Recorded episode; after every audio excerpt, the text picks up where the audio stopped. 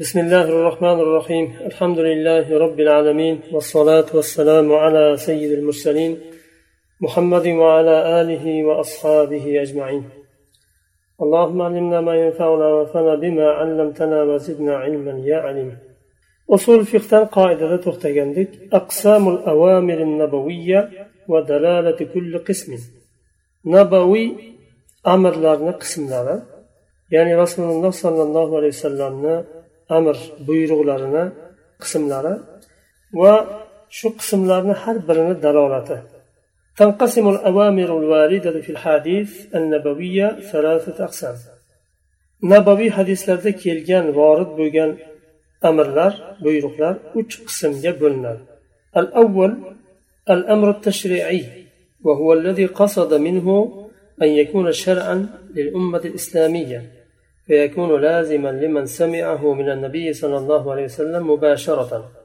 ولغيره من المسلمين إلى أن تقوم الساعة.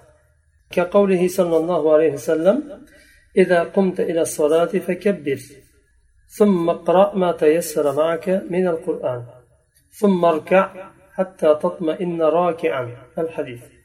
وقوله أصبغ الوضوء وخلل بين الأصابع وبالغ في الاستنشاق إلا أن تكون صائما uch qismga bo'linadi dedik تنقسم الأوامر الواردة في الأحاديث النبوية ثلاثة أقسام birinchisi tashriiy amr tashriiy buyruq bu ummat uchun bir shariat bo'lib qoladigan buyruq ya'ni shariat bu amrdan murodni islomiy ummatga shariat bo'lib qolishini qasd qildi shuning uchun bu amrni rasululloh alayhivasallamdan muboshir holda to'g'ri o'zlaridan eshitgan kishiga ham va ulardan boshqa qiyomatgacha bo'lgan musulmonlarga bu amr lozim bo'ladi.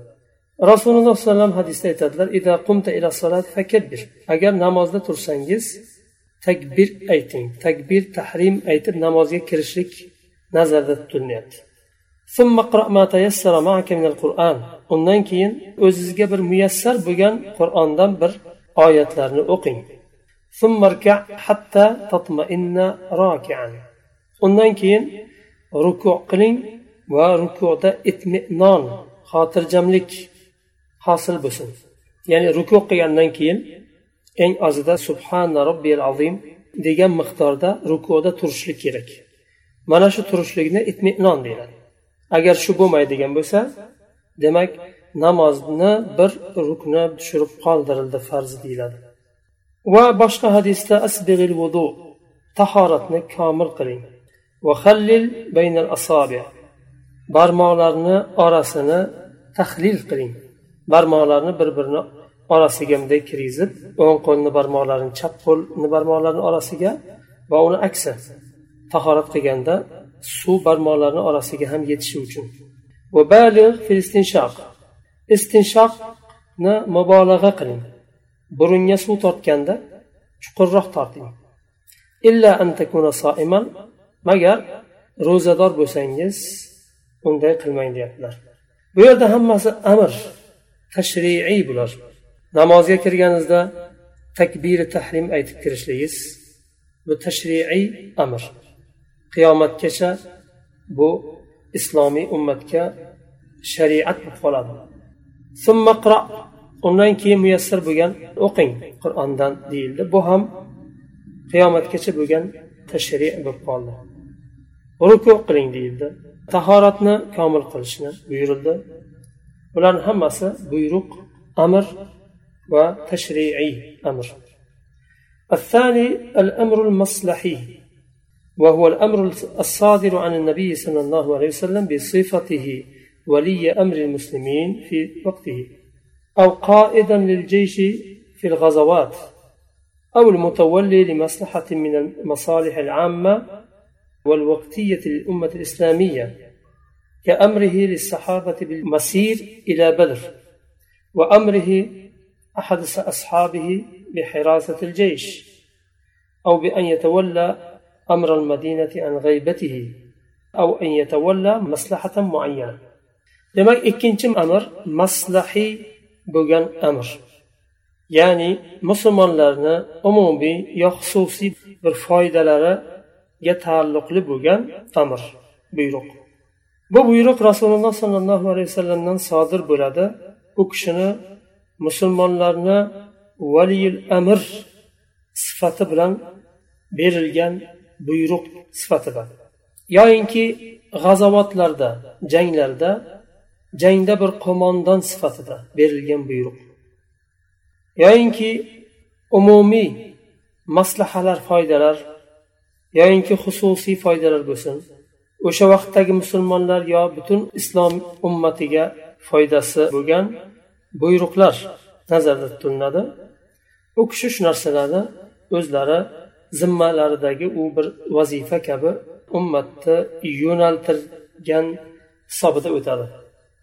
Maslahat bergan nasihat bergan bir sifatida qabul qilinadi. Misol berilyapti sahobalarga badrga qarab yurishni buyurdilar. Bu bir maslahiy bu tashriiy emas. Tashriiy bilan maslahiyni farqi tashriiy butun ummatga shariat bo'lib qoladi doim qilinadigan bir ibodat bo'lib qoladi. Badrga qarab yurishlikni buyurdilar. Demak shunda sahobalar uchun va o'sha vaqtdagi bir holat uchun foyda bor edi shuni buyurdilar. Va sahobalardan biriga askarni qo'riqlab turishni buyurganlariga o'xshagan. Masalan yo'lda tunash uchun bir yerda to'xtaydilar. Uch to'rt besh soat bir yerda to'xtab qolib o'sha yerda sahobalar tunardi va uyquga ketganda bir hujumdan ehtiyot bo'lishlik uchun tashqaridagi dushmandan yo boshqa sahobalarni birisini qo'riqchi qilib qo'yardilar. Bu ham bir maslahiy o'sha vaqtda o'sha yerda o'sha holatda askar qo'riqchiga muhtoj edi va buni rasululloh sollallohu alayhi vasallam bir sahobaga buyurdilar va u kishi qo'riqlab turdi. Endi doim shu sahoba shaharda ham uyda ham boshqa yerda ham askarni qo'riqlab turishlik vojib bo'lmaydi. O'shanday bir holatda buyurildi. O'sha holatni o'zidagina faqat. Va shunda maslaha foyda bor edi.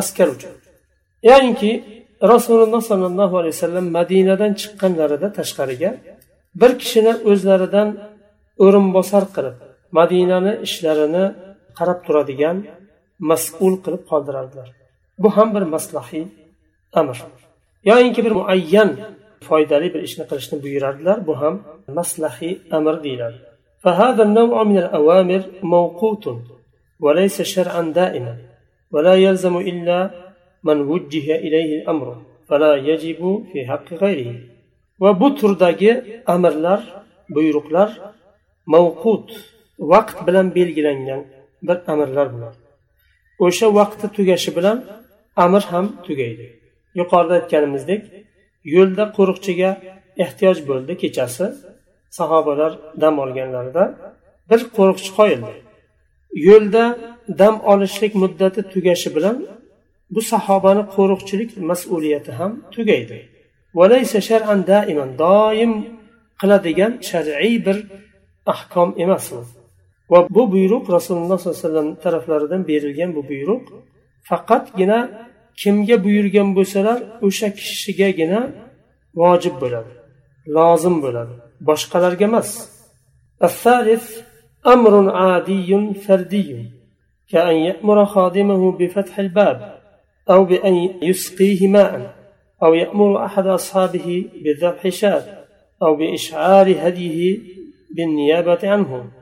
وهذا النوع كذلك لازم لمن وجه إليه الأمر ولا يدل على الوجوب في حق غيره. uchinchisi fardiy bo'lgan bir kishiga buyuriladigan odatiy bo'lgan amr buyruq bunga misol bir kishi xodimiga xizmatkoriga eshikni ochishni buyuradi. Yoyinki suv ketirishni yo suv quyishni buyuradi. Yoyinki rasululloh sollallohu alayhi vasallam sahobalardan biriga qo'y so'yishga buyuradilar. Shunga o'xshagan. Yoyinki hadiy qurbonlik uchun hajga yetalab borilgan jonliqni u kishini otlaridan so'yishni buyuradilar. Shunga o'xshagan amirlar. va bu turdagi amrlar ham faqatgina kimga buyurilgan bo'lsa shu kishigagina lozim bo'ladi amr boshqa kishiga lozim bo'lmaydi. Oltinchi fasl nahiy haqida uni keyingi darsda inshaalloh o'tamiz.